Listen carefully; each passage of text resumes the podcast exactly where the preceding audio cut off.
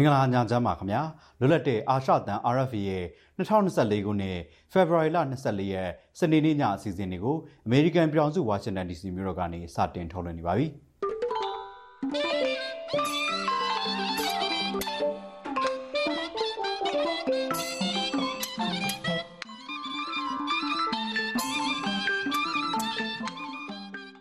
ကျွန်တော်ကရဲကောင်မြန်မာပါ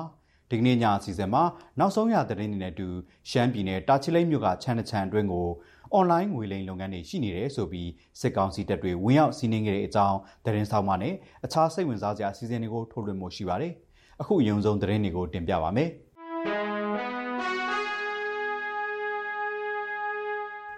မကွေးတိုင်းစိတ်ဖြူမြို့နယ်မြောက်ပိုင်းကိုစစ်ကောင်စီတပ်ကစစ်ကြောင်းထိုးနေတာကြောင့်ဖေဖော်ဝါရီလ24ရက်ထိကျေးရွာ9ရွာကအရက်သား9000နီးပါးထွက်ပြေးနေကြရတယ်လို့ဒေသခံတွေကပြောပါတယ်။စစ်ကောင်စီဟာအင်အား200နီးပါးအုံပြုပြီးဖေဖော်ဝါရီလ16ရက်ကနေ24ရက်ထိဇက်တိုက်စစ်ကြောင်းထိုးနေတယ်လို့ဒေသခံတို့ကပြောပါတယ်။ရက်ရှည်ထွက်ပြေးတိမ်းရှောင်နေကြရတဲ့အတွက်ဒေသခံတွေစားဝတ်နေခက်ခဲနေကြတယ်လို့လည်းသူကပြောပါတယ်။ စစ်ကောင်စီတပ်ကနေတပ်ဆွဲထားတဲ့ဝါစီဆက်ယုံကိုဒေသခံပြည်သူ့ကာကွယ်ရေးတပ်တွေကဖေဖော်ဝါရီလ15ရက်မှာ short တိုက်တုံးနဲ့ပြစ်ခတ်ပြီးတဲ့နောက်စစ်ကောင်စီတပ်ကအခုချိန်ထိနယ်မြေရှင်းလင်းရေးလှုပ်ဆောင်နေတာဖြစ်ပါတယ်။စကိုင်းတိုင်းတန့်ဆယ်မြို့နယ်ကကန်ထူးကံမရွာမှာ နေအိမ်တွေကိုဖေဖော်ဝါရီလ23ရက်ညနေပိုင်းကစစ်ကောင်စီတပ်ကမီးရှို့ဖျက်ဆီးခဲ့တယ်လို့ဒေသခံတွေကပြောပါတယ်။ကန်ထူးကံမရွာကိုစစ်ကောင်စီတပ်သား80နီးပါးဝင်ရောက်မီးရှို့ဖျက်ဆီးခဲ့တာလို့လုံခြုံရေးရအမည်ဖော်လို့တဲ့ဒေသခံတို့က RFA ကိုပြောပါတယ်။ဒေသခံတွေရွာထဲပြန်ဝင်နိုင်သေးတဲ့အတွက်မီးရှို့ဖျက်ဆီးခံရတဲ့နေအိမ်အရေအတွက်ကိုမသိရသေးဘူးလို့သူကပြောပါတယ်။ တန်ဆယ်မြို့နယ်အနောက်ဘက်ခြမ်းမှာစစ်ကောင်စီတပ်နဲ့ဒေသခံပြည်သူ့ကာကွယ်ရေးတပ်ဖွဲ့တွေဖေဖော်ဝါရီလ22ရက်နေ့ကစပြီးတိုက်ပွဲတွေဖြစ်ပွားနေတာဖြစ်ပါတယ်။ဒီတိုက်ပွဲတွေကြောင့်ဖေဖော်ဝါရီလ24ရက်ထိကျေးရွာ14ရွာကအရက်သားတထောင်နီးပါးအိုးအိမ်ဆွခွာပြီးထွက်ပြေးနေကြရတယ်လို့ဒေသခံတွေကပြောပါတယ်။ ပဲခူးတိုင်းထန်းဝင်မြို့နယ်ဇေယျကြီးမြို့ဈေးဟာဖေဖော်ဝါရီလ23ရက်နေ့နေ့လယ်မှာမီးလောင်ပျက်စီးသွားခဲ့တယ်လို့ဒေသခံတွေကပြောပါတယ်။ကုံစုံဆိုင်အဝတ်ထဲဆိုင်စီဆိုင်စားသောက်ကုန်ပစ္စည်းဆိုင်နဲ့လူသုံးကုန်ပစ္စည်းဆိုင်စတဲ့ဆိုင်ငန်းပေါင်း20နီးပါးမီးလောင်ပျက်စီးခဲ့တယ်လို့ဆိုပါတယ်။ဒီဈေးဟာစစ်ကောင်စီတပ်အခြေလျင်တပ်ရင်း83အနီးမှာရှိတယ်လို့ဒေသခံတွေကပြောပါတယ်။ယူနီဖောင်းဝတ်ထားတဲ့စစ်ကောင်စီတပ်သား10ဦးလောက်ကဈေးထဲကိုဝင်ရောက်ပြီးမီးရှို့ခဲ့တာလို့ဇေယျကြီးမြို့ဒေသခံတို့ကပြောပါတယ်။ ပဲခူးတိုင်းစစ်ကောင်စီပြောခွင့်ရသူတိုင်းစီးပွားရေးဝန်ကြီးဦးတင်ဦးကတော့ပေါ့ဆမှုကြောင့်မီးလောင်တာလို့ RFA ကိုဖေဖော်ဝါရီလ24ရက်မှာပြောထားပါတယ်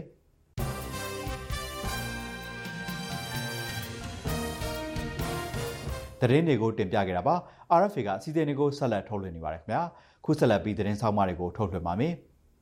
ရှမ်းပြည်နယ်တာချီလိတ်မြို့စန်ဆိုင်ကာကြီးရက်ကွက်ကချန်တချန်အတွင်းကိုဖေဖော်ဝါရီလ23ရက်မနက်ပိုင်းမှာစစ်ကောင်စီတပ်တွေဝင်ရောက်စီးနင်းခဲ့ပါတယ်။ အဲ့ဒီစီးနှင်းမှုအတွင်းမှာထိုင်းနိုင်ငံသား148ဦးအပါအဝင်လူ900နီးပါးဖမ်းဆီးခံခဲ့ရပါတယ်။ဒီအကြောင်းသတင်းအပြည့်စုံကိုဦးတင်အောင်ခိုင်ကဆက်ပြီးတင်ပြပေးပါမယ်။ရှမ်းပြည်နယ်အရှေ့ပိုင်းမြန်မာထိုင်းလာအိုသုံးနိုင်ငံနယ်စပ်မှာရှိနေတဲ့တာချီလိတ်မြို့စန်ဆိုင်ကာကြီးရက်ွက်ဥကျော်သိန်းချံဝင်းတွေကအွန်လိုင်းလောင်းကစားတွေနဲ့ငွေကြေးလိမ်လည်မှုဂိုင်းတွေရှိတယ်ဆိုပြီးစစ်ကောင်စီတပ်ကဖေဖော်ဝါရီလ23ရက်နေ့မနေ့ပိုင်းမှာ ဝင်ရောက်စီးနင်းခဲ့ပါတယ်။ဒီစီးနင်းမှုမှာလူပေါင်း689ဦးကိုဖမ်းဆီးခဲ့တယ်လို့စစ်ကောင်စီပြောရေးဆိုခွင့်ရှိသူဗိုလ်ချုပ်စော်မင်းထွန်းကစစ်ကောင်စီလက်အောက်ခံသတင်းဌာနတွေကတဆင့်ပြောဆိုပါတယ်။နိုင်ငံတော်အစိုးရအနေနဲ့ကျွန်တော်မြန်မာပြည်သူတွေရောတခြားအင်ဒီဂျင်နိုင်ငံတွေရောထိခိုက်စေတဲ့ online လောင်းကစားမှု online ငွေလေးကြေးလေကျယ်မှုနဲ့ပတ်သက်ပြီးသက်ဆိုင်ရာအင်ဒီဂျင်နိုင်ငံများနဲ့တက်ကြွစွာ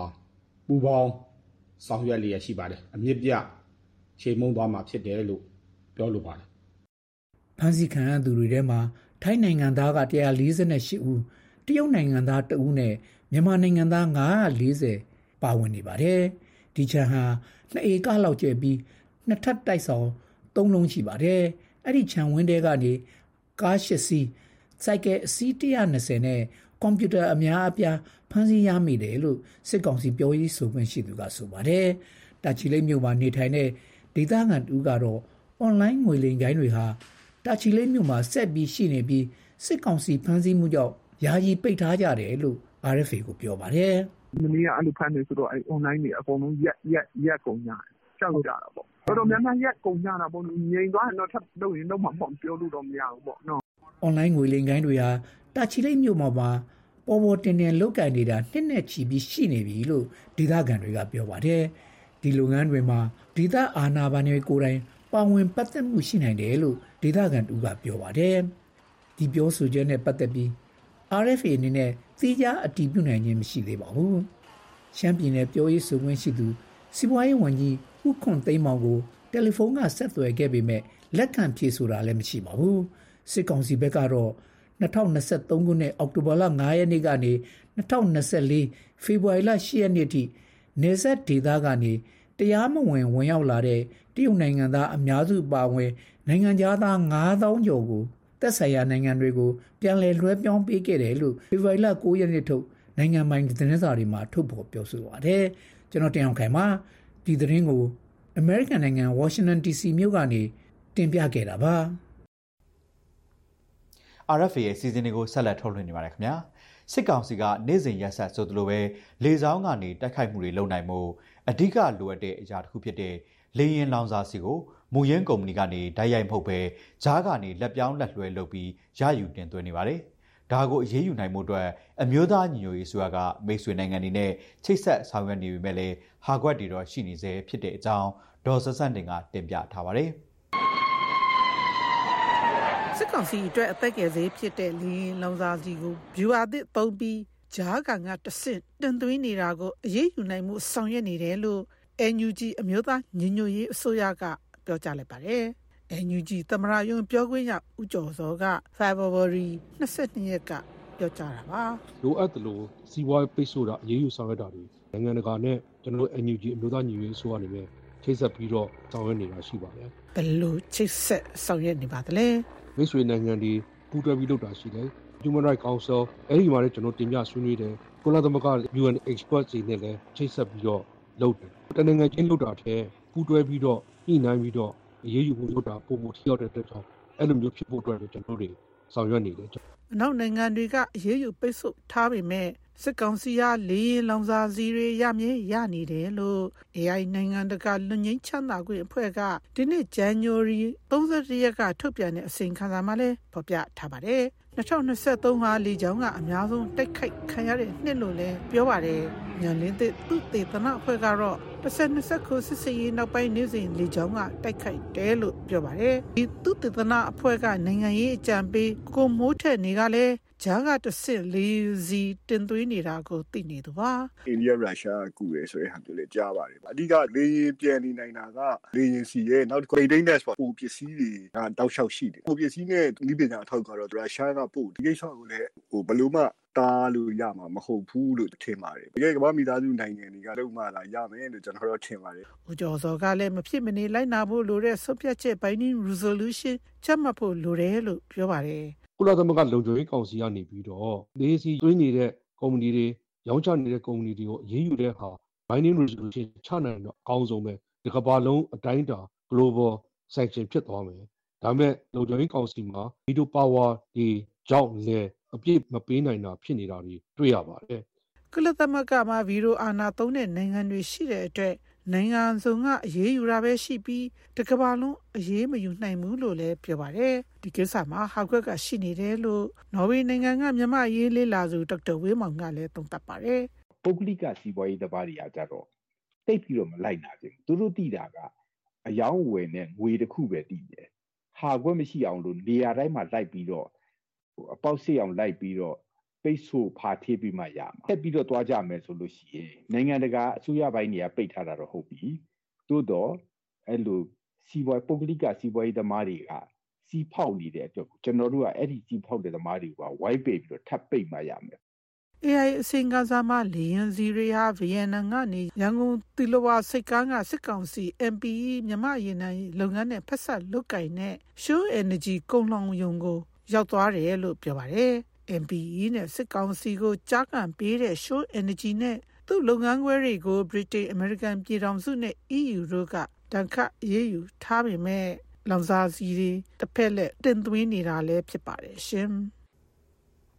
RFA ရဲ့စီစဉ်တွေကိုဆက်လက်ထုတ်လွှင့်နေပါတယ်။ခုဆက်လက်ပြီး RFA ပေးစာပြန်စာစင်ကိုထုတ်လွှင့်ပါမယ်။ဒီတစ်ပတ်မှာ RFA ပြည်သက်တီပေးပို့လာတဲ့စာတွေကိုမတ်ဂျူလိုင်မျိုးကကောက်နှုတ်တင်ပြထားပါတယ်ခင်ဗျာ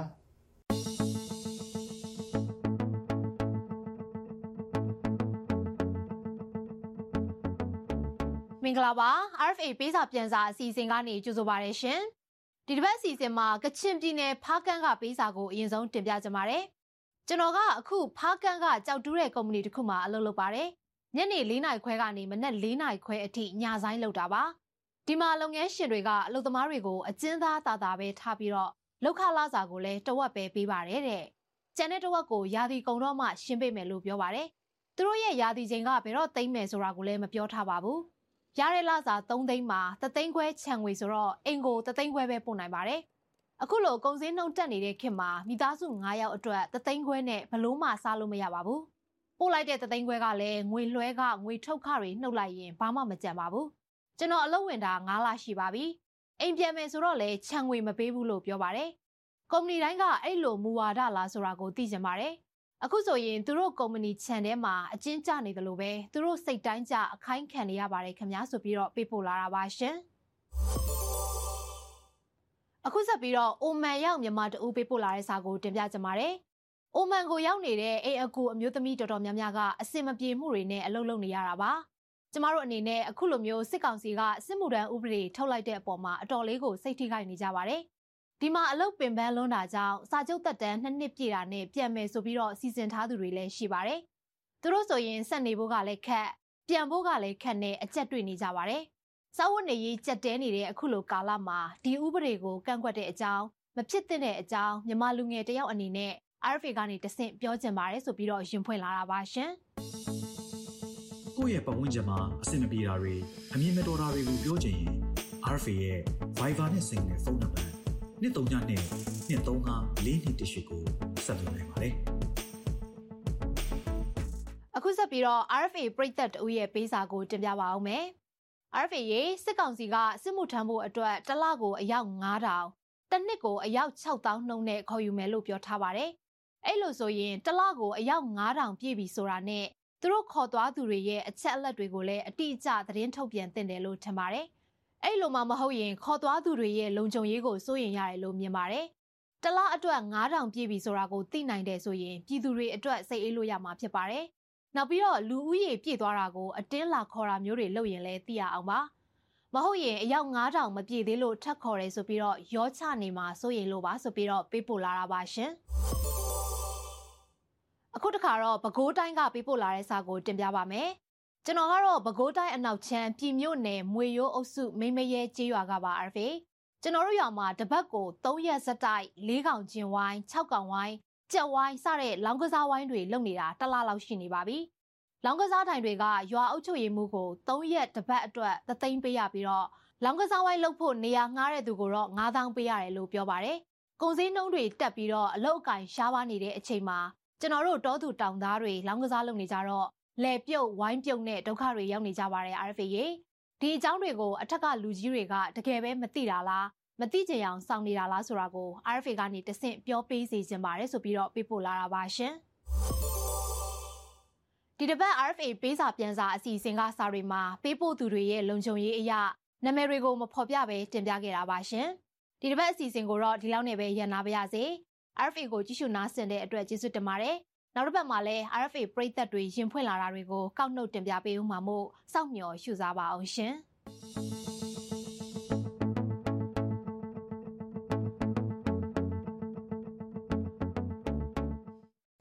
ဒီစီစဉ်နဲ့ပဲစနေညချမ်းအတန်လွင့်ချက်တွေကိုရန်နာခွင့်ပြုပါကြည့်ရှုနားဆင်တဲ့အတွက်လည်းကျေးဇူးတင်ပါတယ်ခင်ဗျာ။